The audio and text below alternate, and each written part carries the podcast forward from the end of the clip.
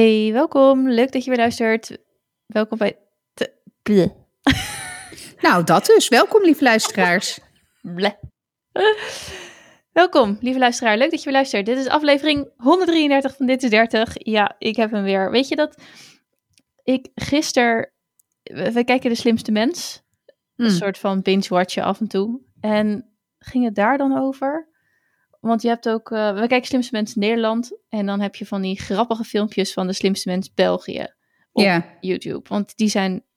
Oké, ik kan Maarten van Rossum op zich Ik wou, ik, wou dus net, ik wou dus net zeggen, heb jij een mening over Maarten van Rossum? nou, ik kan hem op zich wel waarderen, maar in België Echt? zijn ze gewoon niet... Nou ja, ik, eh, inmiddels ben ik hem gewend. Maar ehm, Oh nee. In België zijn ze natuurlijk vele malen hilarischer. Want daar zitten echt Mhm. heel grappige mensen zitten daar in de, in de so-called jury. Dus ik moet Ja. altijd denken aan de jury van Lingo, JP. Daar zitten toch, eh, zitten, was dat niet Philip Geubels en die andere Belg? Nee, Ja, Philip dus- Geubels. Er zitten elke keer verschillende. Maar Oké, Philip ja, ik- Geubels heeft er ook gezeten, ja. ja. Maar er zitten ook uh, Janja van der Wal zit er. En, Oh ja, ehm, ja, ja, ja, dat wist ik. Hoe heet die gast Die heeft nou? sowieso, eh, is die in België bijna populairder dan in Nederland, geloof Ja, ik. hij woont ook in België, geloof ik. Hmm. Dat verklaart een hoop. Zie, zeer zeker. En hoe heet die andere nou? Die ook, ja, Ja, die. Die Nederlander. Die bij Linda de Mol in het programma zit. Waarvan ik ook de naam niet meer weet. Maar dat programma heet natuurlijk niet heel Holland bakt Eileen. Dat programma heet Holland. Iets met Hollandse spelletjes. Hoe heet dat programma nou? oh. Ik hou van Holland. Ik hou van Holland. Ja, daar zit hij Ja, maar daar heb je ook meerdere. Oh, maar je bedoelt, eh bedoel jij eh, Jong van Koningsbrugge. Ja, ja, Ja. ja. Hehe, afijn. Anderhalf minuut later. Ja, die zit daar ook. en eh, meerdere grappige mensen. Dus dat is... eh, ehm, Ja, maar Dat is kijk, dat is dus een essentieel verschil voor mij. In de Vlaamse variant zitten grappige mensen. In de Nederlandse variant zit fucking Maarten van Rossum. Rossum, ja. Ja, maar ik kan, ik, ik, nee, Ja. gewoon, ik, alles aan hem irriteert mij mateloos. En Ja? dat is waarschijnlijk ook zijn superkracht, hè? Maar nee, ik, gewoon alleen al die hele intonatie. Nou, dat nasale kutstemmetje. Oh, verschrikkelijk. Nee, maar het is voor mij dus een reden om niet te kijken. Oh, Echt zo maar erg is het. heftig. Ja. Ja, ja, ik vind hem niet... eh, ik vind hem... eh, ja, ik moet er niet echt heel erg om lachen. Maar ik vind hem... Ik kan hem... Weet je wel? Het is gewoon drie keer per aflevering wordt hij daar even bijgehaald door Philip. Wat natuurlijk ook gewoon een oude vent is. Die daar Ja. een beetje staat... eh, probeert. Nou, ik, hij houdt zich aardig staande. Maar dus dus dat daar twee 80-plussers staan, dat heeft dan nog iets, wel. Maar nee. Maar ik kan hem zeg maar gewoon... En dan maar heb je hem wel eens in een talkshow gezien? Nee. Ik weet Nou, wel dat is zeg maar nog erger. heeft. Ja, hij heeft een dagelijks podcast, toch? Oh lord. Ja, nou, dat ja, is maar dus dat is- echt iets wat ik rustig dood kan gaan zonder dat ooit te luisteren. Goddank hoeft die niet meer op de bucketlist. Nee. Nee, nee volgens mij ging eh, iemand dagelijks met hem bellen. En dan... ehm, en inmiddels... Of, of, of hij, hij reed voor. Maarten ging in de auto zitten. Ze namen die podcast op. En daarna ging Maarten weer zijn weegs, zeg maar. En, Hm. die, en die man ook. Eh, maar inmiddels is het... eh, nou ja, het is zo populair dat... ik geloof de podcast host zelf ook... daar de vrucht op plukt. En ja, Oh mijn god, In- in maar die zin- waarom? nou ja, in die zin is het natuurlijk wel, als jij 400 keer een aflevering moet opnemen met Maarten van Rossum, dan leer je wel podcast hosten. Nou, dat zeker ja, want hij heeft nog wel wat begeleiding nodig. Mm, ja, Nou, het punt namelijk... ieder geval goede nudges, denk ik. Nou ja, dat en eh, bij hem is het, dat heb je dus als je hem een keer in een, in een ehm, In een talkshow. talkshow hebt gezien. Hij, er ga, je doet er een dubbel, dubbeltje in en hij blijft Ja. gaan. Ja, Maar ook de meest. Kijk, hij, hij is gewoon oud met een referentiekader wat oud is. Echt de flexibiliteit van een stalen pijp. Als het gaat om, om bepaalde, nou, wereldgedachtes of weet ik veel, perspectief op de wereld. Ja, ik kan daar echt helemaal niks mee. maar is dat dan het, hetgeen wat je ergert? Dat hij ze. ja, in combinatie met zijn nasale kutstem. Oké, nasale kutstem, zeg maar eh, puur lichamelijk, eh, ja. Maar ook gewoon dat hij dus overtuigingen waar jij wel achter staat, dat hij daar geen ruimte voor heeft. Nou, hij heeft geen. Ik heb altijd bij hem het gevoel: het is his way or the highway. Weet je, hij is, zeg maar ook in dat programma, hij is een soort van het instituut. En ik denk: wie de fuck heeft jou het instituut gemaakt? Snap je wat ik bedoel? Ja, het programma heeft hem het instituut ja. gemaakt. Nee, eens. Maar ik denk: toon een beetje flexibiliteit, man. Weet je, we leven in 2023. Het is niet meer zoals in de jaren 70. Ik moet bijna denken, en dat is niet een eerlijke vergelijking, maar aan het perspectief van een kaars van Johan Derksen. Dat was in de jaren 70 allemaal misschien. Hè? Snap je wat ik. Maar die. Nou ja, ja, voor zover. Maar ik, ik plaats hem niet in dezelfde categorie als Johan Derksen. Laat dat duidelijk zijn, want er zit heel wat meer inhoud in die man dan in Johan Derksen daar echt eh, volledig mee eens. Het is een zeer intelligente man. Alleen, ja, hij heeft denk ik gewoon ergens een afslagje gemist wanneer het gaat om meegaan in de tijd of meegaan in, weet ik veel, wees een beetje flexibel. Ik heb daar een theorie over, want ik denk dat je na een bepaalde leeftijd, en of dat een exacte leeftijd uh, eh, 71 jaar en drie maanden is, dat weet ik niet. Maar dat je op een gegeven moment zover komt van, ja, weet je, het zal allemaal wel gescheten zijn. Kijk, wij hebben nu een bepaalde overtuigingen. En uh, op een gegeven moment verander, verandert dat weer in de wereld. En ik denk dat je op een gegeven moment op een leeftijd komt dat je denkt van ja, weet je, ik uh, zak er allemaal maar in. Ik uh, blijf hier gewoon nu bij. En jullie kunnen me allemaal niks verschillen. Althans, waar maken jullie je allemaal druk om? It's oké, okay, succes ermee. Maar ik ben klaar met, met opnieuw nadenken over op met paradigma shifts. Ja. Met, nou ja, want hoe je het ook bent of keert. Uh, shift, keert.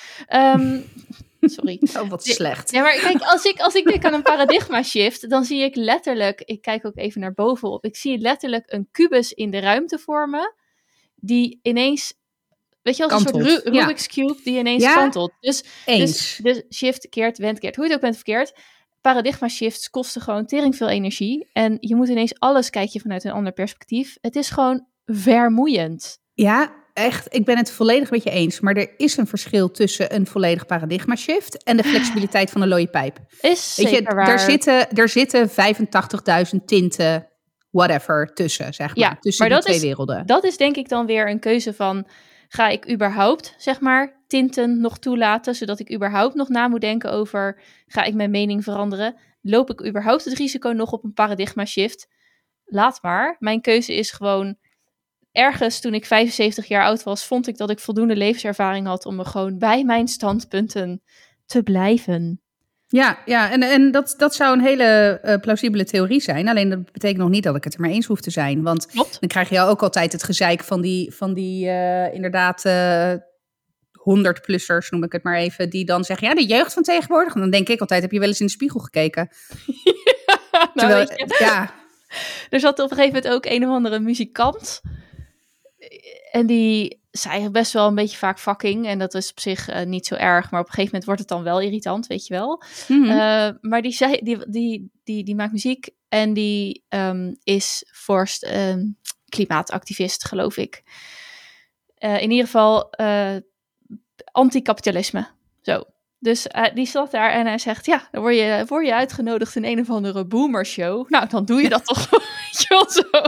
Ja, love it. Denk, ja, ja, ja, precies. En wat heel grappig was, toen hij eruit ging, kreeg hij ook, een, weet je wel, zo'n finale. Dan krijgt ze altijd de vraag, wat weet u van egeltjes of zo, weet ik veel. En dan denk je echt, jezus, wat fuck, uh, egels.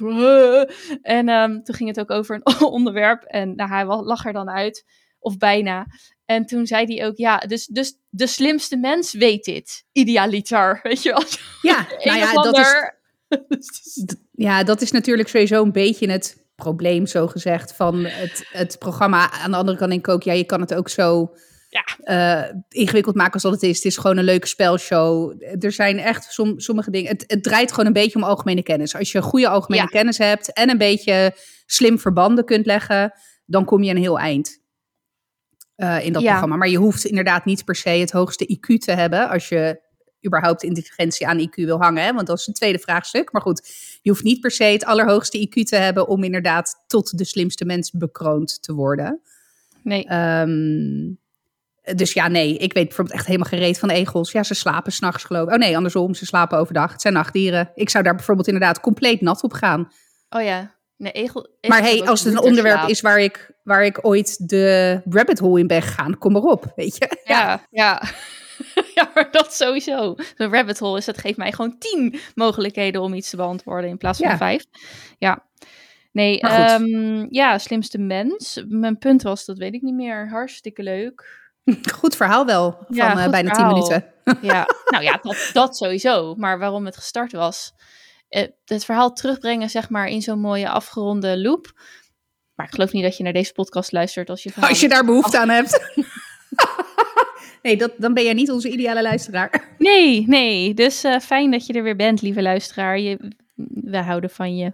En ehm, bedankt dat je naar onze pontificaties luistert. Ja. Ik heb nog een nieuwe, ik heb nog een andere pontificatie. Oeh. Ik heb, eh, ja, ik heb even nieuws uit de ondernemers, online ondernemers, eh, damesbubbel. Want het zijn toch veelal dames. Eh, ja, het is echt het is best wel vermoeiend. Maar ook wel weer snap. Ik snap het ook wel weer, want ook ik heb het gekocht. Ehm, je hebt zeg maar om dingen vanaf je website te betalen. Dus met, Mhm. jij komt op mijn website, jij koopt mijn online cursus, podcast. Zeker, want die is briljant. Dus, nou, dat per definitie. Eh, dan kan ik dat natuurlijk helemaal automatiseren. Nu kan dat nog niet, want ik heb niets geautomatiseerd in mijn bedrijf. Echt niets. Omdat ik het vermoeiend vind. En ik denk, die drie mensen, hè, doe ik wel handmatig. Op een gegeven En moment... even, hè, voor de, even eens één kleine voor de mensen die niet in ondernemersland zitten en websites, hens ik. Met automatiseren bedoel je dus dat ik op het op afrekenen klik, dat er een startersmail automatisch in je inbox gaat met hey, fantastisch, leuk dat je er bent, ga dit fantastisch programma, dit zijn de stappen die je nog moet doen om toegang te krijgen tot. En dat gaat dan, dat is dan helemaal automatisch. Dus als ik om drie uur s'nachts op het afdrukknopje of afdruk, afrekenknopje druk, dan heb ik om vijf over drie s'nachts die e-mail in mijn inbox. Juist, Heb ik hem dan? juist. Ja, helemaal. En dat is, eh, maar ook qua betalen. Kijk, je bent het zo gewend vanuit webshops en Bol, en dat is een webshop.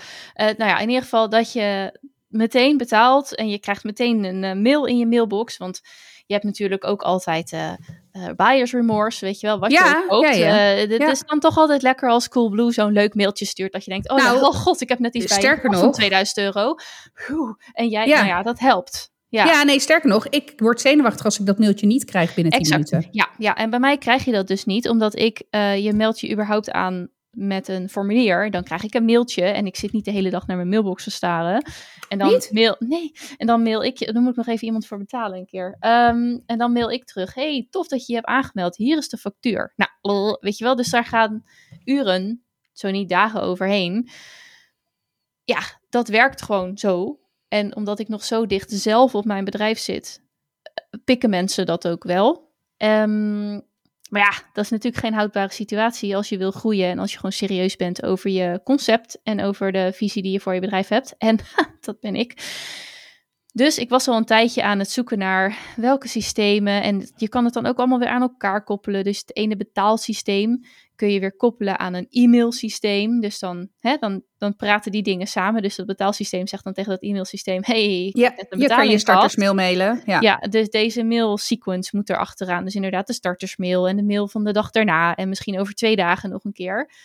En ehm, eh, dus dat is prachtig allemaal. Maar en daar bestaan dus ook, dat, zijn dus ook bijvoorbeeld technische VA's die je daarbij helpen. Technisch virtual assistants. Van joh, ik koppel alles aan elkaar, ik automatiseer het voor je. En we zorgen dat het allemaal goed loopt. Want ja, to be honest, op een gegeven moment moet je zoveel tijd besteden aan het leren kennen van systemen, de keuze maken en dan vervolgens ook nog dat inrichten. Ja, schiet gewoon niet. Nee, soms is het goedkoper om het uit te besteden. Zeker als je het gaat eh, afzetten tegen de tijd die je eraan kwijt bent. eh, Zeker. van het uurtarief wat je zou kunnen vragen voor die tijd als je dat aan een opdracht zou besteden. Ja, en ook eh, de foutkans is gewoon minder groot. Dus als je het zelf gaat doen, ga je al die, in Ja. al die valkuilen trappen. Ehm, maar goed, dus, dus ik ben al een tijdje aan het kijken van... oké, welk betaalsysteem moet ik dan? En dan denk je weer, oh, dit is echt zo vermoeiend en kut. Ik ga gewoon verder en ik ga iets anders doen dat ik wel leuk vind. En nu kwam er dus een... ehm, nu is er een nieuw betaalsysteem op de markt. Dus een nieuw geautomatiseerd betaalsysteem. De heel veel mensen gebruiken namelijk Plug and Pay. Dus inpluggen en betalen. Dat is van volgens mij IMU, dat is eh, Internet Marketing Unie of zo. Die hebben vrij veel van dat systeem. Is ook een Nederlands bedrijf. Dus ehm supergoed, werkt ook hartstikke goed.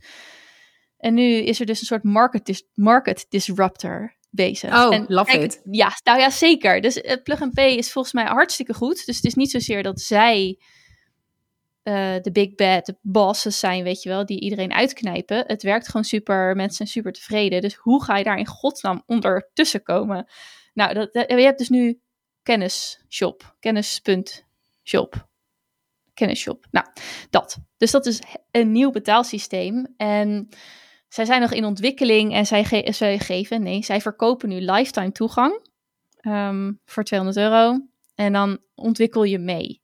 Dat is Hmm. natuurlijk qua start-up idee. Is het, ja, Ja, dus het hele proces vind ik reuze interessant om te zien. Nu heb ik geloof ik vorig jaar, eind vorig jaar, heb ik nog al wel eens een keer een, een dingetje voorbij zien schieten. Want ik kende het al wel. Dus ik heb me er al wel eens in verdiept. En toen was het bijvoorbeeld lifetime toegang nog 69 euro of zo. Dus nou ja, nu is het dus 199. Nou ja, als je denk, daaraan denkt wat je, dat je het toch moet hebben. En dat het gewoon jaren zou kunnen draaien.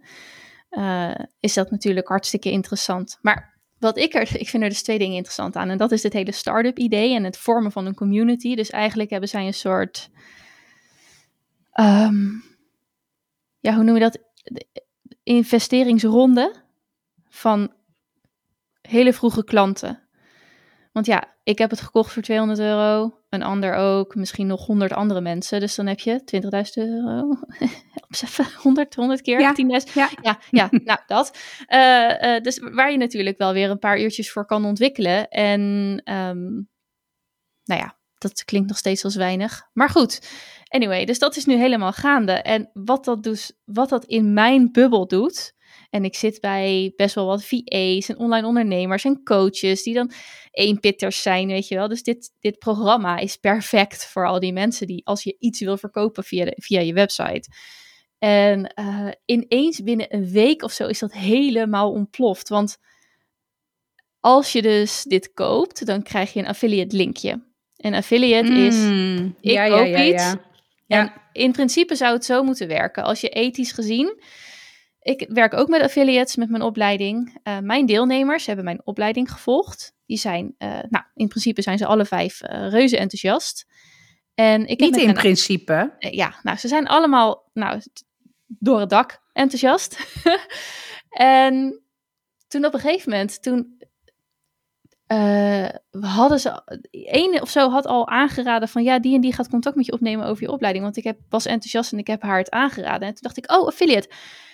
Sowieso fijn voor mij, maar vooral ook om iets terug te geven. Want als iemand mij, nou, ik heb het ook, jouw zusje, die heeft mij uiteindelijk aan een eh, hele fijne klant geholpen. En ik heb gelijk zoiets van, ja, we moeten, ik wil dat, ik wil daar iets voor teruggeven. Dus we zijn uit lunchen gegaan toen. En op deze manier kan je dat met affiliates ook doen. Dus als mijn deelnemers iemand bij mij aandragen, die de opleiding, eh, zich inschrijft voor de opleiding en, en betaalt, of course, dan krijgen zij 100 euro van mij. En eh, dat voelt supergoed. Dus dat is, eh, dat is voor mij ook wel heel prettig om zoiets terug te kunnen geven. Maar goed, allerlei systemen. Eh Descript bijvoorbeeld, waar, wat, dat is een software die ik gebruik om te editen. eh, daar heb ik ook een affiliate link van, omdat ik er razend enthousiast over ben. En als iemand mij, hè, ik praat veel over Descript, dus als iemand mij een vraag daarover stelt en ook aangeeft van, joh, ik zou het wel willen gebruiken, dan kan ik ook zeggen van, joh, ehm, dit is mijn affiliate link. Ben er enthousiast over. Jij kan het aankopen via deze link. Kost jou niks extra's, maar ik krijg er dan een extra commissie over. Dat is natuurlijk hartstikke leuk. En, ehm, en fijn als je dat dan als passief inkomen ziet. Al vind ik het nog steeds niet Ja, maar daar- passief. Maar Daar kan, je, daar kan je trouwens, als je dat een beetje slim positioneert, kan je daar best wel wat eh, aan Ja. eh, binnenharken. Trouwens, hey, dit is heel influencer marketing eh, is ongeveer hierop gestoeld. Hè? Nou, niet alleen hierop, maar nee, maar het is. eh, dit je is ziet vaak op. Instagram ook. Ja, je, je ziet vaak op Instra, Instagram ook eh, affiliated of eh, weet ik veel. Ja. eh, dat je dan inderdaad zo'n linkje. Kijk, deze fantastische snijmachine. Hier is de link om het te kopen. Weet je wel? Ja, ja, en zo kun je ook bij bol.com een partnership, heet dat dan geloof ik. Dus stel jij hebt een boekenblog en je hebt bij bol.com een partnership, dan, ehm, eh, dan kan je die linkjes gebruiken en dan krijg jij een kleine bijdrage als iemand via jouw linkje bij bol.com dat boek bestelt. En nu wil ik bol.com niet aanprijzen. Koop via je lokale boekhandel, mensen. Of libris.nl. Anyway, terug naar, de, naar, naar het onderwerp. Die affiliates, daar vind ik wel van dat je het product op zijn minst oprecht er, er- erachter staat. Dus dat je het Ja. ook zou aanprijzen als je er geen geld voor zou krijgen. En dat is met influencer marketing. In principe ben ik ook micro-influencer, zeg maar, daar op dat gebied. Want als ik zeg tegen jou, jij moet deze ehm, microfoon kopen, dan zeg je oké. Want Want jij zal er wel verstand van hebben. Nu heb jij zelf een prachtige microfoon uitgezocht. Oh, nee, je hebt nog wel gevraagd aan mij van zal ik deze doen? Ja. Nou ja, weet je, dus dat, dat in, op dat vlak ben ik een soort van micro-influencer. Maar je ziet daarin toch een soort van, nou je voelt daarin een soort van ethisch dilemma. Want uh, ik heb dus uh, net de webinar gevolgd van Kennisshop. En ik heb halverwege dacht ik, ja, ik vind het wel gescheten. Ik moet het hebben. Uh, en ik kies voor dit. Dus prima, ik heb het aangeschaft. En ik ben nou met jou deze dingen ingerold. Maar toen kreeg ik dus de mail. En toen stond er ook, als je mm, via dit linkje, via jouw eigen linkje, krijg je 30% commissie. Wat dus Zo. inhoudt dat als ik drie mensen aandraag... Dat je al je kosten eruit hebt. Dat ik mijn kosten er bijna uit heb. En dat werd ook weer gebruikt in die webinar. Allemaal terecht, hè? Die gasten deden het echt supergoed. En het grappige, wat ik dus, en dat, vond, dat vind ik dus reet interessant. Kijk, in dat webinar werd ook laten zien, um, gingen ze een aantal social posts van mensen laten zien. Van, ah, ik heb Kennisshop gekocht. En uh, in een van die posts hebben ze een stukje gehighlight van, uh, ik heb Kennisshop gekocht, want ik vond de betaalpagina super overzichtelijk. En uh, we mogen meebeslissen over wat er eerst ontwikkeld wordt. En dan zeg maar in het niet gehighlighte stuk, maar wel duidelijk zichtbaar stond. En het is uh, nog beter dan plug and pay. En weet je wel zo. Dus ik vond het echt, dat ik denk van dit is echt wel een soort van de chique weg kiezen. Dus je highlight het stuk waarin iemand goed over jou vertelt. Maar je laat nog wel even het stukje zichtbaar staan waar iemand je concurrent. Ja. Uh, ik snap het. Want als jij zo'n post ziet verschijnen op, op uh, Facebook of waar ook, dan denk je toch, yes! Want hij heeft het in zijn hele verhaal geen één keer over plug and pay of over andere betaalsystemen gehad. En dat vind ik er dus ook sterk aan. Um, maar goed, die affiliates. in mijn bubbel vliegen dus de affiliates van Kennisshop je links en rechts en boven en onder om de oren. En het is, het is tot op het onoprechte af. Al weet ik zeker dat degene die het poneert bij mij het niet onoprecht vindt. Snap je? Dus de ethiek van het, je gevoel daarbij, dat, is, dat luistert heel nauw. Uh, ik heb het van een vriendin aangeraden gekregen, die ook ondernemer is. Dus dan denk ik, oké, okay, oké, okay, weet je wel, dat is een goede uh, affiliate, Lead, hè, referentie. ja. Ja. ja. En dan is er iemand die gewoon letterlijk op de stories gewoon de hele tijd kennisshop, kennisshop, kennisshop en elke keer maar die link deelt, link, link deelt. Ja, als jij een grote groep mensen hebt die jou volgt en die, nou ja, jou, jouw uh, voorbeeld wil volgen of naar je opkijkt of die, die uh, van je graag van je wil leren, dan zal dat misschien ook wel um, effect hebben. Maar die vind ik toch anders. Want ja, die, ja. Ja, en er is ook iemand die, uh, als ik heb iets gepost over mijn online cursus, die um, meteen in mijn DM was. Wat leuk! Hoe ga je dat nu doen online? Automatiseren? En dan denk ik, ja, ik weet gewoon waar jij naartoe wil en ik wil jouw linkje niet. Want je bent te, te Weet je, als je nou de hele tijd al, de hele tijd al gezegd, wat leuk dat je dat gaat doen, hoe zit het in elkaar? En dan nu ineens daarover, en dan nu uiteindelijk daarover vraagt van hoe ga je het eigenlijk doen? Dus oprecht geïnteresseerd bent in hoe ik het ga doen, maar niet ineens iemand heeft het over een online cursus. Ik zie een kans van mijn affiliate linkje erin te droppen. Weet je?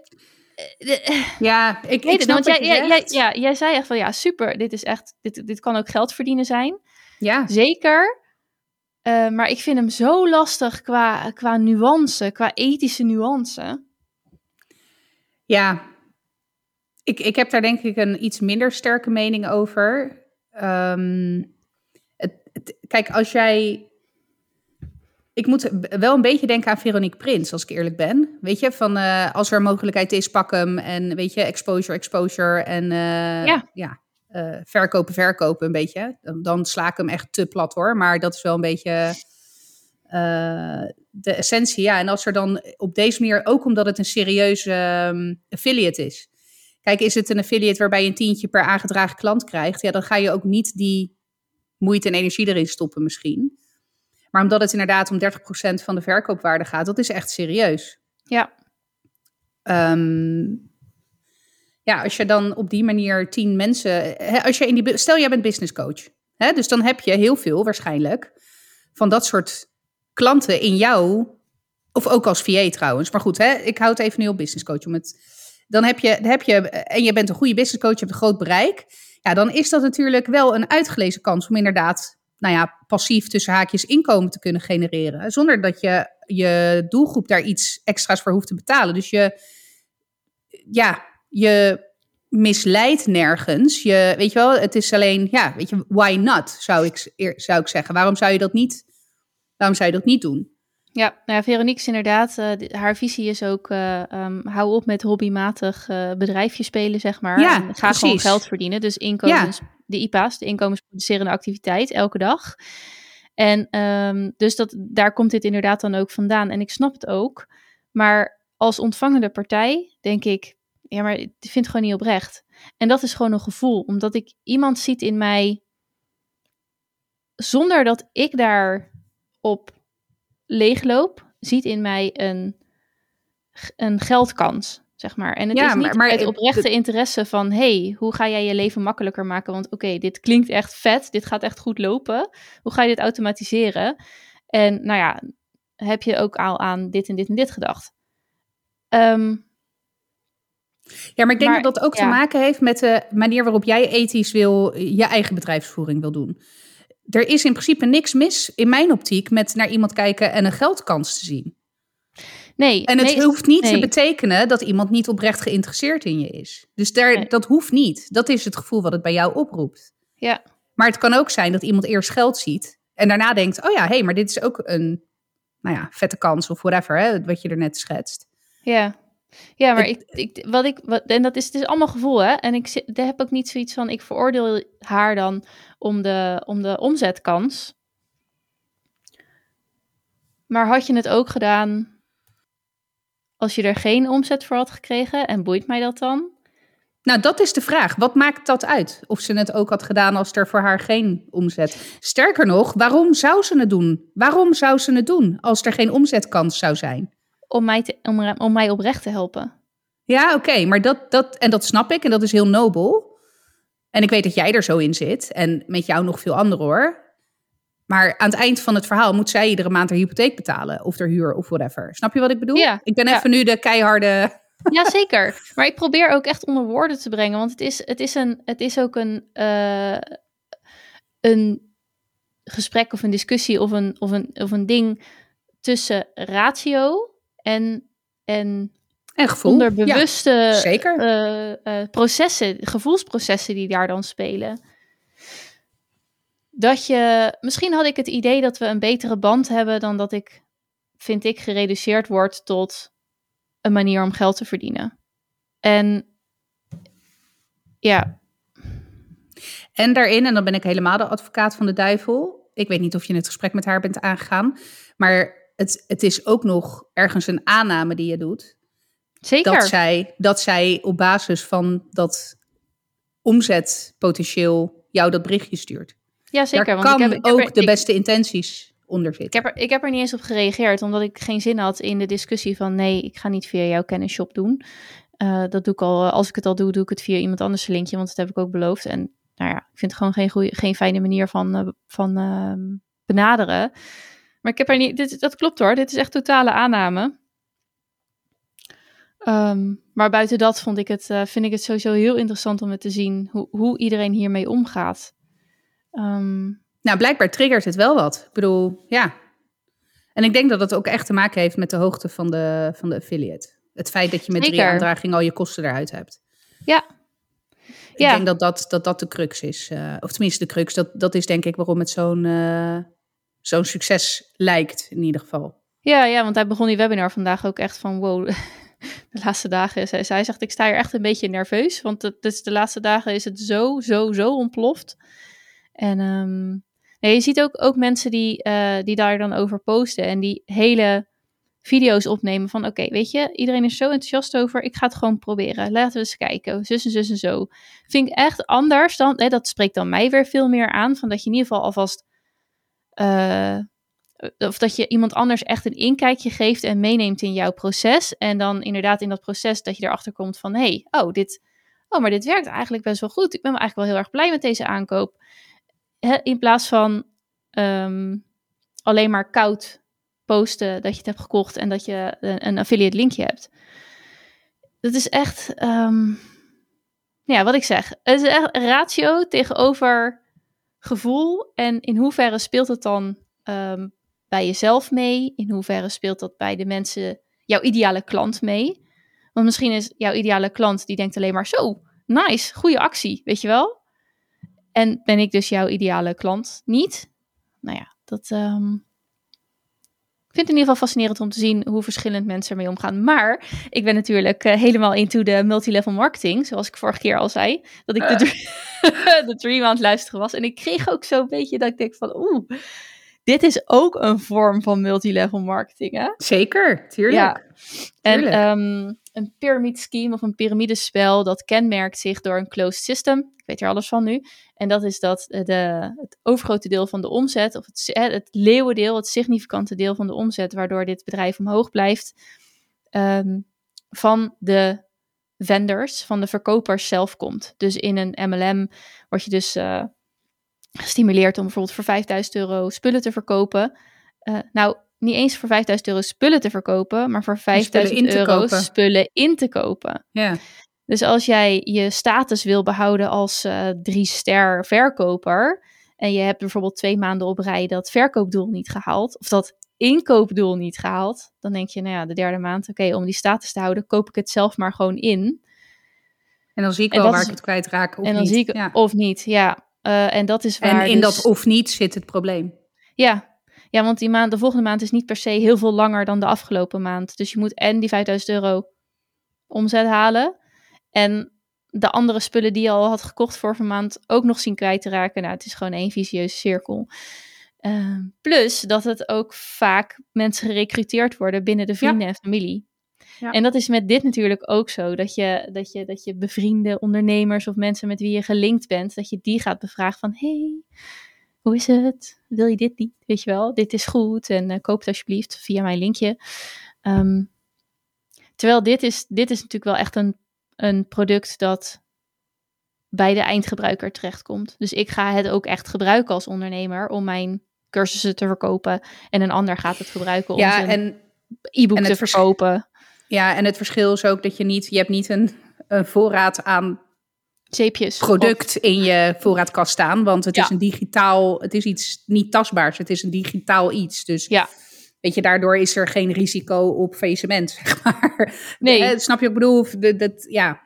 Ja. Maar het hele, het hele recommendatieproces, want dat is het, Ja. eh, in ruil voor geld, eh, ja, dat, dat is natuurlijk wel, eh, dat voelt een beetje als, als eh, MLM. Ja, maar Ja. goed, ik heb dat ook in mijn line of work. Weet je, als je het hebt over recommendatie. Wij hebben heel vaak acties waarin we mensen oproepen om andere mensen aan te dragen om te, om, hè, eh, te werken. Ja, en er zit ook een bonus aan vast.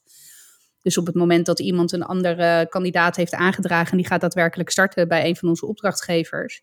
Ja, dan krijgt degene die hem of haar heeft aangedragen ook daar geld voor. Ja, weet je, voor niks gaat de zon op. Nee. En misschien waar- komt het ook wel dat ik er zo in sta, omdat ik in een supercommercieel bedrijf werk. Hè? Dus ik, ik, ja, Ja, ik heb nee, daar dat- geen gevoel over, zeg maar. Ja, maar het is echt, het is, het is, het is echt puur opgevoel. En Kijk, wat ik wel zou hebben, zeker als er zo'n zo'n shitstorm aan affiliate links is. En goed, dat heb jij ook gedaan. Ik zou dan wel inderdaad nadenken, joh, wie gun ik het? Nee, maar dat, was, dat kwam ook nog in me op. Misschien is het ook wel van jou gun ik het wel en jou gun ik het niet. Maar als ik dan kijk naar deze specifieke paar personen die ik nu zeg maar op een rijtje heb met die affiliates die het me aangeboden hebben, in one way or the other. En ik neem even aan dat die ene persoon dat ook wilde doen. Dan heb ik niet per se. ehm, kijk, de een staat me wel nader dan de ander. Maar het is niet dat ik denk, oh jij. meh, Weet niet waar je het eh, over hebt, Weet niet waar je het over van. hebt. Of, eh, want ze werkt wel in die omgeving, waardoor ze er wel gewoon verstand van zou kunnen hebben. Dus ehm, eh, dat gunnen, dat, dat vraag ik me af of dat nu bij mij meespeelt. Maar ik vind het echt, ik, ik kan er gewoon echt Zou niet het- goed de vinger op leggen. Het heeft echt te maken met anders- perceptie, met hoe het bij mij binnenkomt. En niet hoe, inderdaad, hoe zij, zich, hoe zij acteren of hoe zij acteert. Maar zou, zou het uitmaken als, als deze persoon in kwestie meteen open en eerlijk had gezegd: joh, weet je, ik, eh, ik wil je dit gaan verkopen of zo, of weet ik veel. Of als die in ieder geval in plaats van het een beetje tussen de regels door, Dat iemand gewoon meteen transparant is. Joh, luister, ik heb uh, meegedaan hieraan. Um, ik ben enthousiast. Ik heb gezien dat je dit aanbod gaat doen. Het past bij jou. Heb je interesse? Gewoon mm. op de man af. Meteen, hoppa. Ja, ik denk dat Zou dat, uitmaken? Ja, te, tegelijkertijd heb ik natuurlijk net gezegd van ja, vraag eerst even, of, hè, wees, wees eerder geïnteresseerd en betrokken bij me. Dus het is misschien toch echt het een of het ander. Dus of je bent echt oprecht betrokken bij me omdat je het leuk vindt wat ik doe. En dan denk je ineens, oh fuck it, weet je wel, uh, dit past bij elkaar.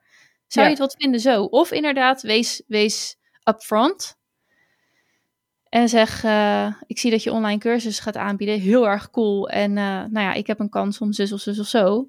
Um, ga, kijk er eens naar. En ik weet er meer van. Dus als je vragen hebt, let me know of zo. Ja, nou, het is echt, uh, het heeft zoveel te maken met gevoel. Dus um, ja. Maar goed. Nou, ik, interessant. Ja, ja, dus uh, wil iemand kennis shop via mijn affiliate link, dan... Uh... ben ik ook ontzettend geïnteresseerd in wat je doet. ja, precies. Ja, als je, hoe je het ook wil, weet je wel, als ik je moet uh, opwrijven, prima. Hè? Als ik gewoon eerlijk tegen je moet zijn van, ik wil die 30... Nee, hoeveel is het dan? 65 euro? 200 euro? 30 procent? het, het was... Het, ja, het was, 65. 60 euro. Om een, ja, ja, ja precies. ja, ik wil die 60 euro en uh, dat kan ik via jou verkrijgen. Jij uh, geldmachine. Dan, uh, dan wil ik dat ook tegen je zeggen. Dus laat maar weten hoe je benaderd wilt worden en ik doe het. Maar, Weet je wat trouwens ook nog, sorry, ik moest ineens, ik, wat nog, nog een next level is, en dat gebeurt ook hoor, is dat je dus afspreekt met degene die jouw affiliate link gebruikt, dat je het affiliate bedrag ook nog split. Ja, ja, maar dat is ook, dat is, uh, een van mijn deelnemers heeft ook gevraagd of ze dat mag doen. Ik zeg, ja, tuurlijk. Kan mij het schelen wat jij met die 100 euro doet.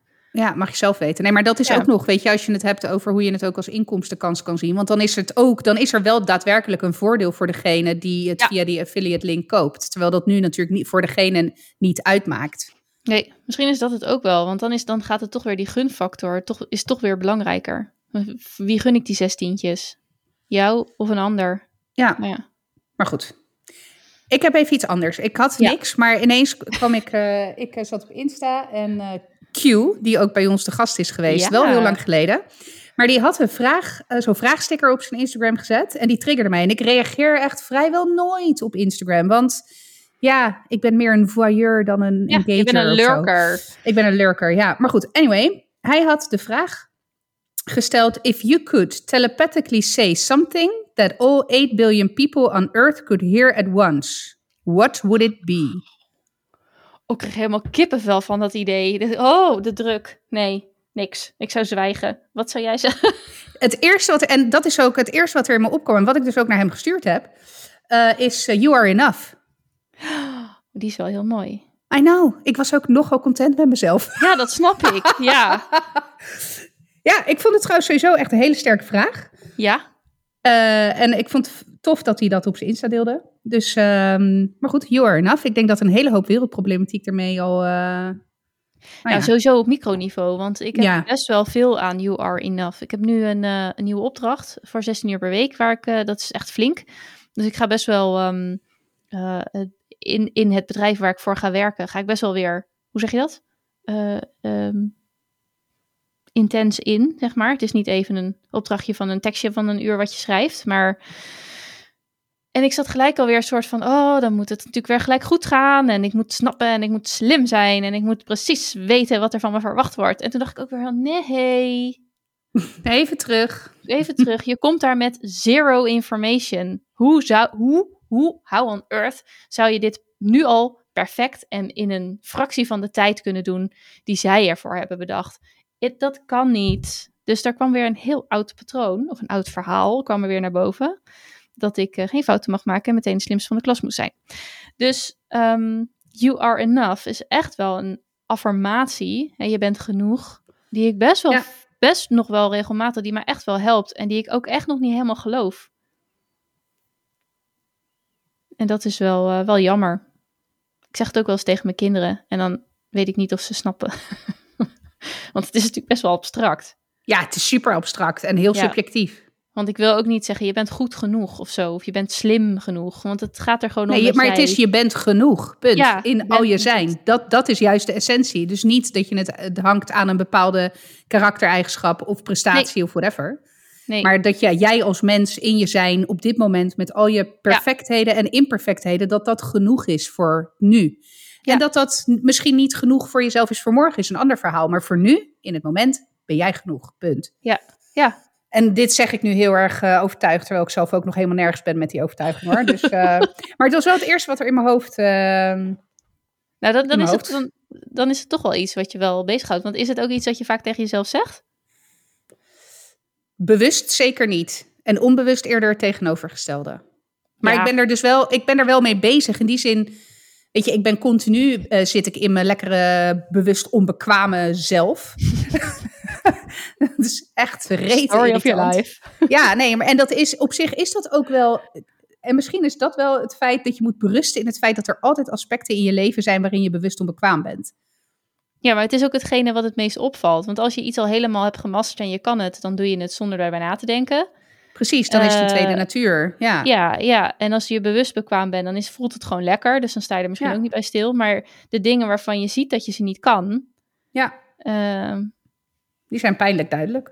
ja, maar ik moet wel zeggen dat in, als ik dan jou en mij vergelijk, denk ik dat jij daar inderdaad.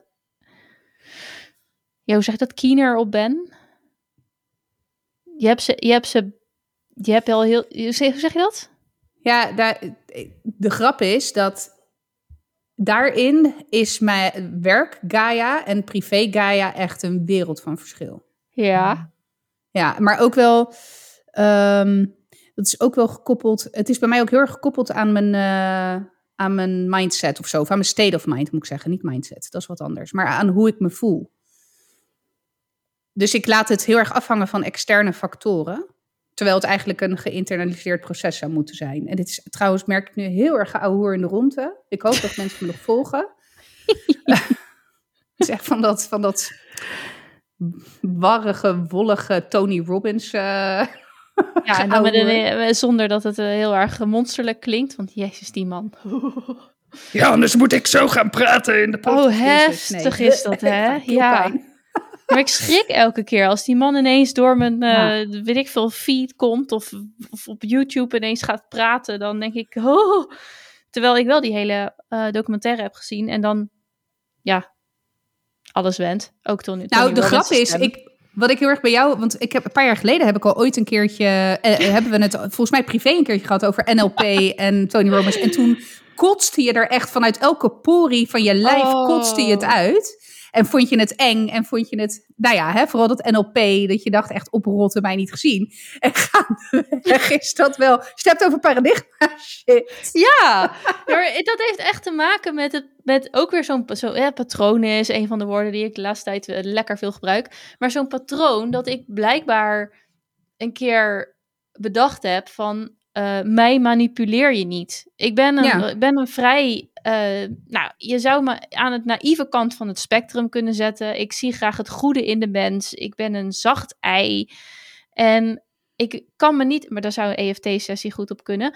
Ehm, ik kan me niet per se een moment pinpointen waarop ik dacht van... en nu maak jij nu misbruik van mijn naïviteit... en het moet hier gewoon stoppen. En ik ga dus alles wat mij, wat ik in het categorietje manipulatie... ehm, zonder dat ik het door heb, weet ik veel, als je... ja, nou, misschien is dat van net ook wel daarvoor. Dat als je tegen mij zegt, ik ga jou manipuleren, want ik wil geld aan jou verdienen, dan denk ik, oh, nou ja, fair enough, je komt er in ieder geval voor uit. Dus nu kan ik kiezen. Oeh, nou komen we ergens. Ik kan er nu voor kiezen of ik me laat manipuleren. Of is het dan nog steeds manipuleren? Ja, nou ja, Eh, goed, je kan eh, wel bewust, als je er bewust van bent, ja. Ja, oké, prima. Laat het maar over me heen komen. Of dat iemand me sneaky eh, met bepaalde mm, kennis die ik niet heb, En technieken vooral, ja. En technieken die ik, waarvan ik geen weet heb. Dus dat je mijn domheid gebruikt. Noem het even domheid, maar mijn onwetendheid is het eigenlijk. ehm, gebruikt om iets van mij gedaan te krijgen. Waarvan als ik alle informatie had en op dezelfde hoogte sta qua visie, qua eh, helikoptervisie als jij, dat ik het misschien niet had willen doen. Ja, terwijl, en, en dat, dat begrijp ik hoor. maar in eerste instantie is natuurlijk dat neurolinguistisch programmeren ook weer eh, vooral iets interns. Dus om jezelf te herprogrammeren als het gaat om bepaalde uh, overtuigingen, patronen. Weet je, geef het, geef het een naampje. En vervolgens kan je het ook gebruiken natuurlijk om uh, in je gesprekken of in nou ja, whatever setting dan ook bepaalde dingen gedaan te krijgen. Eens. Maar het, in eerste instantie, in ieder geval, dat is hoe ik het altijd heb ervaren of begrepen. En ik weet vrij weinig hoor, inhoudelijk van NLP. Het staat wel op mijn lijstje om een keer een rabbit hole in te gaan, dus wie weet. Maar uh, is dat het ook vooral te maken heeft met hoe jij zelf in het leven staat. En hoe jij zelf bepaalde patronen kan doorbreken. En de, en de technieken op jezelf kunt toepassen. Maar goed, dat is even. Ik moest ineens denken aan. Um... Ja, maar dat is wel goed hoor. Want die, die, die um, controle loslaten. Dus dat betekent dat ik me. Weet je, jij, jij gaat NLP bij mij doen. Uh, dan geef ik dus de controle over deze sessie aan jou. Want ik heb niet in de hand wat er gaat gebeuren. Wat jij bij mij losmaakt, zeg maar. Dus, uh, de, en daar daar heb ik echt heel veel moeite mee. Vind ik heel erg lastig. Kijk, EFT, daar ga je helemaal zelf. Je kiest zelf je paden. En als je iets tegenkomt, het is heel erg. Um, je kunt het bijvoorbeeld heel klein maken. Dus hé, hey, wacht even, dit wil ik nu niet aan. Oké, dan gaan we een stapje terug. Dan gaan we misschien verder met uh, de angst om het aan te gaan. Weet je wel? Dus niet eens dat je niet eens de, de traumatische situatie zelf. Dus je gaat heel erg voorzichtig. En je hebt daar heel erg de controle over. Terwijl Um, nou, ik had van de week uh, mijn, uh, mijn jaar, nou eigenlijk is het acht maanden, maar omdat het is uitgesteld. Dus ik heb bijna een jaar traject coaching achter de rug. Er zijn nu nog een aantal van die masterclasses en daar was afgelopen maandag weer een hypnose. En ik heb me voorgenomen, uh, ik ben dit aangegaan. Het is ook best spiritueel op sommige dingen en waar ik dus niet zo heel veel van wist, van weet. Ik ga het gewoon ondervinden en dan zie ik wel wat het met me doet. En of ik er wat van vond en of ik er wat aan heb gehad. Dit keer was het dus een hypnose en gingen we, dan moet ik het even goed zeggen, naar de engelen en naar de gidsen. Dus de theorie is dat iedereen engelen en gidsen om zich heen heeft. Dus als, je, eh, als we maar met onze kip zonder kop rondrennen, dan, dan horen we ze niet. Dat kan je weer natuurlijk vergelijken met God en met, uh, hè, mm-hmm. als je vraagt het aan God en je krijgt antwoorden. Als je niet stil bent, dan hoor je die guidance niet. Dus dat kan je dan doen met zo'n hypnose. Dan ga je, um, ja, eigenlijk een beetje, beetje non-sleep deep rest, sort of. Weet je wel, je gaat even uit het hier en nu en uh, je keert helemaal naar binnen. En dan word je doordat er uh, beelden, dus uh, stap in een koker van wit licht. En dan, het is natuurlijk een hele techniek en hele kunst. Maar doordat iemand beelden voor jou paint, um, ga je mee in die reis. En dat kan ik wel, want ik heb natuurlijk wel een goede fantasie, goede verbeeldingskracht. Dus dat werkt bij mij wel heel goed. Dus nou, uiteindelijk kom je dan dus bij je engelen en je gidsen aan. En dan zie je dus bepaalde mensen uh, of entiteiten. En uh, nou, of ze zeggen wat tegen je, of ze geven iets aan je, of ze laten je iets zien. Waardoor je, de gidsen laten je dan zien waar je, wat je pad is. En engelen, ja, dan ga ik het, nou weet ik niet meer hoor, maar engelen die dragen je. Ik geloof dat dat een beetje het, het idee was. En kijk, je begon dus en nu wordt het helemaal, en nu krijg ik dat hele, oeh, christelijk, occult. Huh? Nou goed, het begon dus dat engelen zijn dus mensen die zijn overleden dierbaren.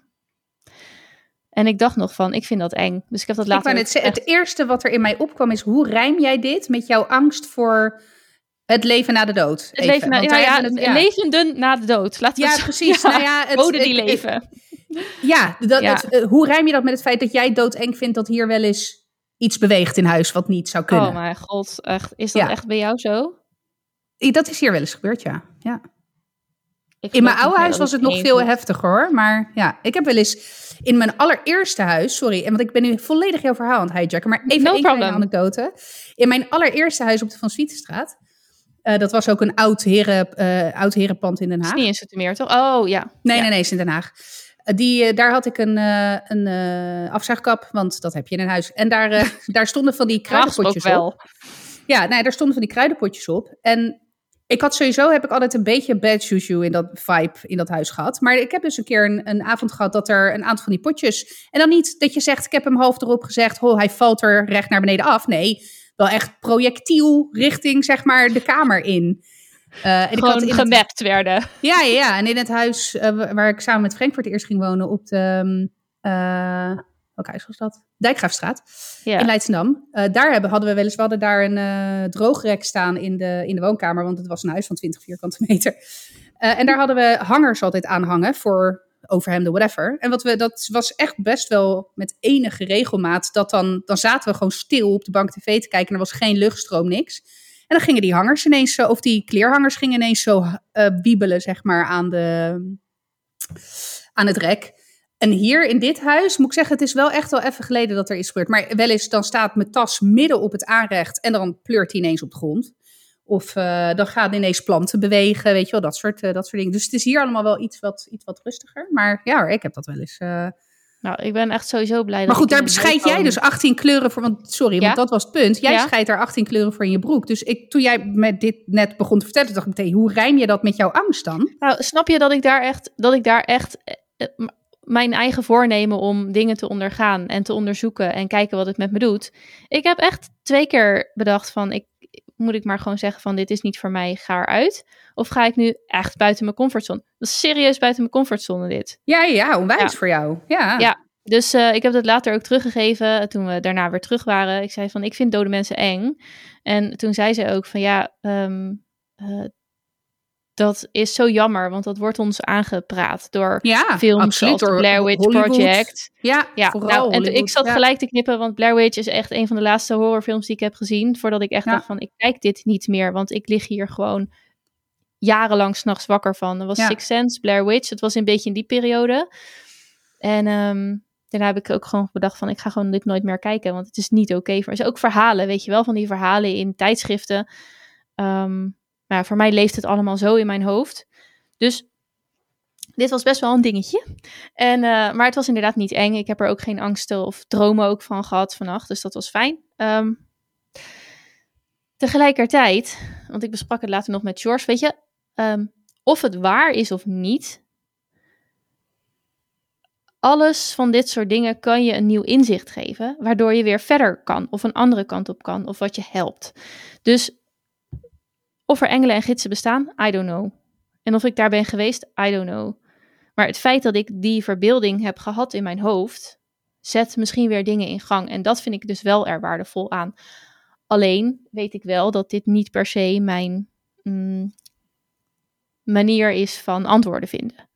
Omdat ik het vond het op zich oké, maar ik, nee, dat is niet iets waarvan ik denk van daar ga ik graag uh, nog een keer in zo'n hypnose naar terug of zo. Of in zo'n meditatie of hoe je het dan ook wil noemen. Maar Anyway, want, uh, oh ja, want wat ik dacht is van ja, als je aan mij vraagt overleden dierbaren.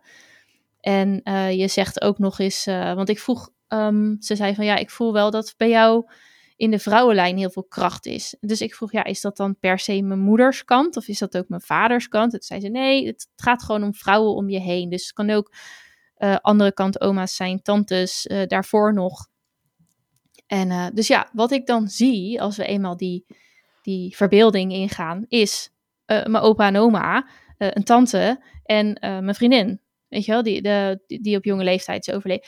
En wat ik dan zie is dat mijn vriendin, die was sowieso een grote levensbal van levensenergie, die reet enthousiast is, die naar me toe komt rennen. En, oh, wat leuk je weer te zien, weet je wel zo. Want ja, it has been 18 jaar. maar um, de, Hoewel is dat, dat, ook natuurlijk... heel emotioneel op dat moment al? Ik kan, tenminste, ik zou, ik, ik zit hier al nu, terwijl ik me dat voorstel dat ik even moet slikken. Uh, nou, zij niet. Het was vooral, ze was ook vooral zeg maar een soort uh, tweede lijn. Dus meer van, ik, uh, van Open Oma zag ik heel veel trots. Zo van, ga maar, ga maar, weet je wel. We zijn trots op je, we staan achter je. Mijn tante stond heel dicht naast me. Terwijl ik in het aardse leven vond ik haar. Um, ja, hoe zeg ik dat? Het was wel echt gewoon een, een tante, weet je wel? Niet, niet van. Ik, ging, uh, ik voelde me extra geborgen bij haar of zo. Ik vond het een hele leuke tante, een hele fijne tante, maar niet. Ze heeft niet een hele, hele, hele grote rol in mijn leven gespeeld. Gewoon als normale tante, die inderdaad vlakbij woonde en uh, die ik, uh, waar ik het heel prettig bij vond. Maar that's it. Dus um, eh, en, en zij was meer van, hey, cool, kom even buurten, weet je wel. Leuk om weer te zien, knuffel. dus van mijn tante vond ik wel emotioneel, maar dat was ook omdat ze fysiek, fysiek, of in die verbeelding dichtbij me stond. En van haar was het iets minder, omdat het meer een beetje een vluchtig moment was en ze daarna ietsje meer op de achtergrond ging staan Weet je wel, duimpje. Ja, ja. Dus dat was, dat was dan toch zeg maar anders of zo, omdat het moment zo kort was. Ja, ja. Maar eh, ja, nou, anyway, is dit mijn verbeelding? Want dit zijn wel, als je dit soort woorden tegen mij zegt, voordat we zo'n verbeelding ingaan, dan zijn het hele logische figuren die mijn onderbewuste of mijn herinnering naar boven haalt. Dus ja. is het ja, nou... Nee, ja, ja, echt? Of is het ook uh, opgeroepen en hoe erg is dat?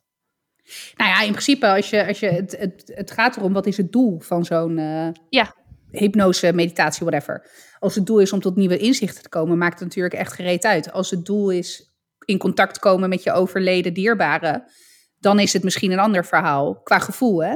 Of dat dan echt zo was of dat je het jezelf hebt ingebeeld. Dus ik denk dat het samenhangt met het doel van zo'n oefening. Ja. En heel eerlijk, we weten pas of het waar is of niet op het moment dat we zelf eh, het uh, tijdelijke voor het eeuwige verruilen. dus ja, weet je. Dat... Zie, je ook echt zo mensen hier zo eh, bij wijze van spreken naast me staan van oké, we waren daar, serieus? ja, en nu trekt ze dat ook gewoon dit? in twijfel. nu trek je mij Wacht maar. en dat je daar dan komt over hopelijk heel veel jaar en dat ze zeggen, mhm, mm told you so. Weet je wel? Ja. ja, dus ja. Maar heb jij wel eens dit soort meditaties, hypnoses? Nee, heb ik nooit gedaan. Ik ben wel uh, naar um, uh, een paragnost gegaan, jaren geleden. Peter van der Hurk, die ook mee heeft gedaan aan toen er tijd was dat een of andere paranormaal programma op RTL. Oh. Ik ben naar hem toe gegaan voordat hij beroemd werd. Oh, ik kan het zeggen. Ging je vanwege die. Zei ik Peter van der Vorst? Ik bedoelde Peter Hurk. van der Hurk. Ja, zei ja Hurk. Hurk, jawel. Ja, ja, ja. Uh, ik, ik, hoe ben ik, ik ben hem met, bij hem gekomen via mijn oma. En ik weet niet meer precies hoe mijn oma bij hem kwam. Maar hij, hij was niet, het was niet van Den Haag. En hoe oud zou ik geweest zijn? Een jaar of 17, 18. Ik heb het, let op, cassettebandje er nog van. Die zou ik een keertje terug moeten luisteren eigenlijk. En ik ging ja, waarop? Heb jij nog een uh, cassettespeler? Nee, dat is dus precies het probleem waarom ik het al jaren niet heb afgespeeld. Oké, okay, uh, maar goed, daar valt iets op te vinden, bol.com. Maar um, anyway, want ik heb ook nog bandjes van mijn vader, waar de stem van mijn overleden vader op staat, waarin hmm. hij verhalen vertelde, zeg maar. Dus dat staat nog op mijn, ergens op mijn lijstje dat ik dat nog een keertje iets mee wil doen. Maar goed, anyway, ik ging daar primair naartoe om contact te zoeken met mijn vader. Mijn vader is overleden toen ik negen was. En dat is altijd een soort van heet hangijzer op zich logisch geweest in mijn leven. Het gemis van mijn biologische vader. En heb ik een heel lief stiefvader die echt wel eh, prima in die rol is gestapt hoor. Dus als ik het nu ook heb over mijn ouders, dan heb ik het ook over mijn vader als zijnde mijn, uh, mijn stiefvader. Uh, maar goed, mijn biologische vader is overleden toen ik negen was. En ik ging naar hem toe om contact met hem primair te zoeken. Dus ik moest ook foto's meenemen. dus nou ja, zo geschieden. Dus toen, ik weet nog heel goed, want we zaten dus in, in een nou, in zijn kantoor in Den Haag. En um, het eerste wat hij tegen mij zei is: Ja, ik vind het heel lullig. Volgens mij zei hij het ook letterlijk zo, maar goed, dat zou ik nog een keertje terug moeten luisteren. Maar ik krijg geen contact met je vader. Oh. En hij was toen al een jaar of, nou, uh, weet ik veel, uh, negen dood of zo. Hè? Dus hij was wel, het was wel even geleden. Um, en toen ging hij wat dingen vertellen over mij, over mijn toekomst. Uh, en de grap is dat hij op een aantal punten heeft hij echt he hit home, zeg maar. Het, het enige waar hij de mist in mee is, in is gegaan, hoewel dat tegenwoordig ook nog maar moet blijken. Uh, hij zei dat ik twee dochters zou krijgen. Nou, ik heb twee zoons. Maar goed, wie weet, ze zijn nog jong. Het kan allemaal nog. Uh, ik kan geen nieuwe kinderen meer krijgen. Althans, nieuwe kinderen hoor mij nou. Maar ik, de optie van nog een keer een biologisch kind op de wereld zetten is er niet meer aan beide kanten. Maar, um, dus die heeft hij enigszins uh, mis. Maar wat mij heel erg wat ik heel erg treffend vond, is hij op een gegeven moment zei tegen mij: Ja, jij gaat. En hij wees naar zijn keelgebied. Nou, daar zit je schildklier natuurlijk. Hij zei: Ja, jij gaat problemen krijgen met iets, iets in je keel. En dan hij zei volgens mij: van, dan, Ik zie schildklier voor me. Daar gaat iets mee spelen. Nou, uh, Hashimoto deed ze intreden. Ik heb een te traag werkende schildklier waar ik dus de rest van mijn leven medicatie voor moet slikken. Dat had ik toen dus nog niet, hè? En hij zei, je gaat problemen krijgen met, uh, met diabetes. Nou, toen had ik nog geen grammetje overgewicht. Dus er was niks fysiek aan mij te indiceren waarvan die zou kunnen zeggen, maar deze chick heeft al eh, wat kilootjes extra, weet je wel. De is een veilige voorspelling. Ja. Ja, precies. precies. En zeker, want ik heb geen type 2 diabetes, ik heb een type 3 diabetes. Dus dat is dan een genetische variant van diabetes, wat eigenlijk een type 1 is, maar die pas later op een latere leeftijd zich manifesteert. Ehm, nou, en zo waren er nog een aantal dingen, die weet ik nu even niet meer precies, maar die, eh, waar die echt wel ehm, nou, uiteindelijk gelijk in heeft gekregen, als je dat op die manier kan zeggen.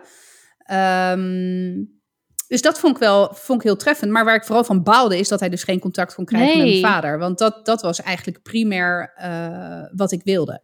Maar goed, dus ja, ik ben een keer naar een prognos geweest. Ik heb toen dus niet echt contact gehad met overledenen. Wat ik wel ehm, een aantal keer heb gehad. Ik heb één keer een jongetje gezien eh, in de woonkamer van mijn ouders. Eh, en dat was de, de jongste bij ons, Tom, die, was toen, die zat nog in de buggy. Dus die zal hooguit twee zijn geweest. Dus nou, ik zal een jaar of 14, 15 zijn geweest. En eh, toen had ik wel, volgens mij trouwens, de Blair Witch Project gekeken die avond. Maar ik ben niet zo heel snel onder de indruk hè, van, van enge films of dat soort dingen. Dus, ehm, en ik weet nog heel goed dat ik ging dan naar boven, want ik sliep boven. Maar ik had de fles cola op tafel laten staan. En ik had geen zin in gezeik de volgende dag met mijn moeder. Over, oh, heb je weer de cola uit de koelkast laten? Nou ja, je kent het. ja. Dus ik was toen Ja. nog een keertje terug naar beneden gegaan om die fles cola terug in de koelkast te zetten. En toen kwam ik beneden en ik keek, zeg maar, we hebben een, tussen de trap en de, de woonkamer en keukengedeelte zit er een klapdeur. Dus ik deed die klapdeur open en ik wilde naar rechts gaan richting de tafel. En ik zie heel duidelijk een jongetje naast die buggy staan. Eh, Dat, nou, en dat was niet Tom, het was niet mijn broertje. Het was echt een entiteit, zeg maar, in de vorm van een jongetje. Nou, ik schrok me natuurlijk helemaal de pestpokken. Dus ik heb die le- fles cola lekker la- laten staan waar die stond. En ik Ja. ben naar boven gegaan. Eh, dus dat is een wellicht encounter geweest. Eh, en ik heb, ik denk een keer of twee in mijn dromen wel... heel- ik heb één keer heel duidelijk na het overlijden van mijn schoonmoeder... heb ik eh, over haar gedroomd. Ehm, en het idee gehad dat zij, dat zij echt in die droom met mij was, zeg maar. Het was een heel, hele emotionele droom. Ik weet nog dat ik daar ook echt heel erg overstuur van wakker werd. En ik heb het een keer met mijn eh, vader toch gehad. En dat is niet eens zo heel lang geleden. Dat zal misschien... Nou, dat is zo in dezelfde periode zijn geweest als dat mijn schoonmoeder overleed. Eh, dus twee jaar geleden. Dat ik hem voor het eerst in een droom... Ik heb wel vaker over hem gedroomd, hoewel niet heel vaak. Eh, maar deze droom was die ook echt ineens bij me, zeg maar. Dat ik echt dacht van... Hè, maar waar... En ik weet nog, in die droom was ik ook heel boos op hem. Eh, omdat hij eh, niet bereikbaar was. Even los van dat hij natuurlijk fysiek niet bereikbaar was. Maar dat hij dus ook ergens in die spirituele wereld... ergens een feestje heeft lopen bouwen, 18 jaar lang. Of weet ik veel. en dat ik dacht, hallo, ik ben er ook nog, maat. Weet je, weet je wel. dus, dus op die manier heb ik wel, heb ik wel ervaringen, gevoeld ja. of zo. Maar ik heb, nee, ik heb, nooit, eh, ik heb nooit op die manier meditatie of een, of een hypnose gedaan... waarbij ik bewust op zoek ging naar, naar overledenen... anders dan die sessie bij, eh, bij die eh, Peter van der Hurk. Het is overigens wel iets wat me altijd al mijn hele leven mateloos interesseert. Dus Maar ben je er dan niet bang voor? Ik voel echt, Nee, als je dit vertelt, voel ik al gewoon een hele angst over mijn lichaam. Maar Nee. nu ik zeg maar, nu zij dat tegen mij zei en nu jij dit zegt, eh, ook dat, al was het daar alleen maar goed voor, ik zie het echt in een ander licht. Want ik was daar in die eh, verbeelding, meditatie, was ik ook niet bang. Dus ehm, Nee, ik heb echt totaal geen. Sterker nog, we hebben een tijd lang hebben wij eh, Ghost Adventures gekeken. En dat, ik moet heel erg zeggen, dat is niet echt heel erg. eh, Laat ik het zo zeggen, de manier waarop zij het opzoeken is niet per se iets waar ik inmiddels ethisch achter sta. Zij gaan ja. zeg maar haunted houses bezoeken en dan gaan ze een beetje, eh doen ze met allerlei apparaten, gaan ze kijken of ze bewijs kunnen leveren voor paranormale activiteit. ja. En, eh, maar daarin gaan ze dan ook wel eens entiteiten narren of in ieder geval hè, prikkelen om zo reactie op te wekken. Nou, dat, dat, dat inmiddels ben ik zover dat ik daar niet zo veel hel meer in zie. Maar zij gebruiken ook ehm, eh, EMF, heet dat. Is dat is Electromagnetic Magnetic Phenomena. En dan, dan nemen ze zo'n recorder eh, en dan gewoon opnemen, zeg maar, in een stille ruimte. En dan gaan ze vragen stellen. Nou, en uiteindelijk, als je dat dan uitleest, dan zie je soms dat daar een soort van antwoord op komt. Ja. Ehm, dat soort sessies hebben Frank en ik wel eens gedaan. Oh mijn god, waarom, waar, waar, waar- waarom zou echt, oh. Nee, er is, nee, iets uitge- er is nooit iets uitgekomen Yes, hoor. waarom zou je dat opzoeken? Ja, maar snap je, dit is gewoon... Ja, oké, omdat dit ik het was- gewoon. oh. Ik vind het echt ontzettend interessant. Ja, oké, maar wat, wat... Dat is denk ik mijn angst. Dat, dat ik... ehm, als ik eenmaal zo zeg maar deurtje openzet... Dat ik dan ineens dat niet meer dicht krijg of zo. Van ja, prima dat eh, eh, mijn oma me een knuffel komt geven. Al zou dat raar zijn, want we waren niet heel fysiek. Maar, ehm, eh, maar dan, dan, weet je, het is alles of niks. Dan krijg je ook al die enge dingen. En wat zij dus zei is inderdaad van, het klopt helemaal niet. Het is, niet heel, het is helemaal niet waarom ze hier zijn. Het is helemaal niet om iemand bang te maken of iemand het leven zuur te maken of iemand te laten schrikken of om eng te zijn. Het is eh, om je te helpen. Om je dus inderdaad te dragen of te gidsen of antwoorden te geven of whatever. Nou, wat ik op zich nog wel interessant vond trouwens uit die, eh, uit die meditatie dan, of uit die hypnose, is dat ze zei, eh, ehm, nou ja, de, de dierbare die naast je staat, die heeft een symbool voor je. Of een woord, of weet ik het wat. En dat symbool bij mij, dat was meteen een, ehm, ja, het heet een ankteken. Dus een Egyptisch, ehm, zo, eh, een soort plus met een ovaaltje erop. Ja, Terwijl ik heb dat teken ner... Het is niet iets wat zeg maar in mijn bewuste omgeving... Ik doe er niet veel mee. Ik weet niet of iemand het veel draagt in mijn omgeving. Eh, Egyptische oudheid is niet per se iets wat veel bij me is. Dus die vond ik dan nog wel opvallend. Tegelijkertijd denk ik ook, ja... Ja, het, heeft is wel een symbool wat ik van een, van een kruis ook, hè? Van een christelijk kruis. Ja, ja, nou ja, goed. eh, ehm, maar, maar ja. het is een ander dus- symbool, hoor. het heeft er niks mee te maken. Maar het- Nee, als je het nee. ziet, dan... Ja, en ik wist ook wel meteen wat het was. Dus ik denk van ja, als iemand in de slimste band is, als ik in de slimste band zou zitten en het zou op- in, eh, in de puzzelronde of hoe heet, hoe heet dat ding, de galerij verschijnen, Ja, de dan zou galerij, zeggen ja, dat het ja. een ankteken is. Dus nou, dat. Dus ik denk ja, ik ken het wel. Dus ik weet niet zo goed wat dat dan, ehm, die vond ik nog Weet je wat het betekent? dan. Weet je wat het symbool betekent? Ja, het heeft met levenskracht te maken, geloof ik. Ja, het is inderdaad, wel eh, veel. Het betekent leven of eeuwig leven na de dood. Ja, ja. Dus dan denk ik ook, ja, misschien heb ik dat toch onbewust ergens een keer opgeslagen. En als je dan met dit soort f- fantasieën, bedoel ik in de liefdevolle zin van het woord, eh, bezig bent, dan is het misschien niet zo gek dat dat omhoog getakeld wordt uit mijn onderbewuste. Maar ja, ik weet het niet. Maar eh, oh, echt, dat je dan dat gaat uitproberen. Maar hoe kan het dan dat ik, hoe kan het, ik heb daar zo'n angst voor. Nou, ik moet heel erg zeggen dat bij mij is de dood, ook in mijn opvoeding, ondanks het feit dat ik Rooms-Katholiek ben opgevoed, is, heeft dat nooit een negatieve connotatie gekregen. Misschien ook omdat ik al op jonge leeftijd met de dood te maken heb gehad. Mm. Van een best wel key figure Nou, in, Behoorlijk cruciaal persoon, ja. Ja, dus, dus misschien is dat het. En dat ik daardoor ook dat het eerder een fascinatie of een, een, ehm, een eh, nieuwsgierigheid bij me heeft opgewekt dan angst. Want ik Ja. heb vroeger ook al, wat ik al zei, ik, ik heb ook al die films gekeken. En ik was Ja. nog jonger dan jij toen ze uitkwamen. Dus Ja. The Sixth Sense bijvoorbeeld, wat jij als echt horror beschrijft, Ja, vond dat ik een is echt mijn- prachtige film. Vond ik Nee, prachtig, echt.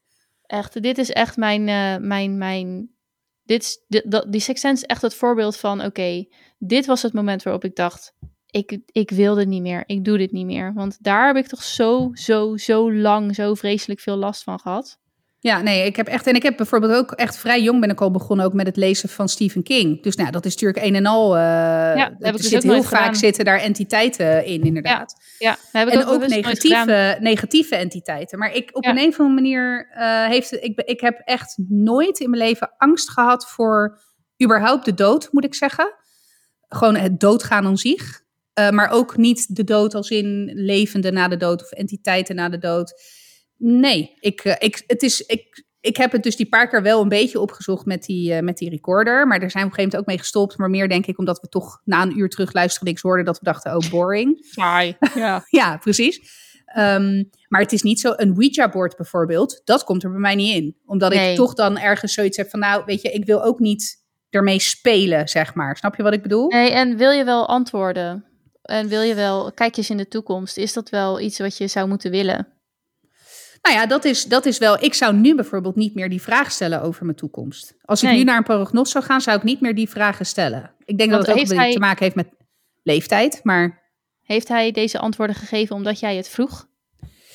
Of dat, heeft dat hij weet, dit- ik weet dus. We weten, ik weet niet meer precies hoe dat ging. Dan zou ik echt moeite moeten gaan doen om die, eh, om die Ja. opname terug te luisteren. Want ja, dit is ook alweer. eh hoe oud ben ik nu? 34. Dus dat is ook alweer 16 jaar geleden. Ja. En niet in de meest, hoe zeg ik dit? Eh, mentale, gezonde periode in mijn leven. Ik denk Nee. dat ik dat dan. ehm, dus, dus ja, ik weet niet meer precies hoe, hoe we kwamen op het toekomstbeeld. Maar dat is wel wat is blijven hangen. Omdat, ja, weet je, ja, ik heb schildklier. Ik heb eh, die schildklierproblemen. Ik heb die diabetes. Nou goed, ik heb die twee dochters niet, maar ik heb wel twee, twee zonen. Ja, maar ik moest wel. ook denken aan, aan de fontein. En eh, jouw twee geboren zonen Ja. zijn niet, zijn maar de helft van. Ja, nee, Eh, nou, en dat, dat is wel waar ik aan heb zitten denken. Heeft hij dan inderdaad toch de twee eh, zwangerschappen gezien die, die, niet, eh, die niet tot eh, voldragenheid zijn ge- gebracht? Zeg Ja. maar. Ja, want ik Dus- blijf elke keer. Mijn, mijn moeder, dat is dan toch wel weer grappig, hè? Want dat heb ik dan van mijn moeder. Ehm, dat als je een ring aan een touwtje of iets aan een, of een naald aan een touwtje boven je hand houdt, dan gaat hij heen en weer. Of hij pendelen, gaat rondjes, ja. gaat rondjes Ja. draaien. Eh, Ja. Dat was altijd, nou, dat was bij ons dan, oh, kijk hoe grappig. En ehm, ja, dat, dan weet je welke geslacht je kinderen worden. Bij mij is het standaard, nu nog steeds. Ik heb het vorige week nog een keer gedaan met, eh met Mason. Eh, is het rondje en alleen maar streepjes. Dus meisje en allemaal jongens. Ja, bij mij was mijn eerste zwangerschap dus ook niet voldragen geweest. Ik ben ervan overtuigd, dat was ik al, dat dat een meisje was. Eh, nou ja, goed. Eh, qua chromosomen, fysieke chromosomen dan, laten we dat even. En de rest, dat het allemaal jongens zijn. Ja. Dus, en, en nou ja, goed, als je dat erop toepast, dan klopt dat ook.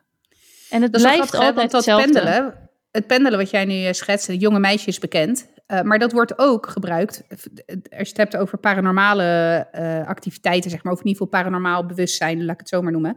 Dat pendelen wordt ook veel gebruikt om antwoord te krijgen op bepaalde Ja, vragen. ja of nee. Ja, precies. Ja, precies. Ja. Dus, ehm, dus nou ja, dat, eh, dat vind ik dan toch wel weer opvallend. Misschien moet ik daar eens naar vragen. Waarom dat dan wel...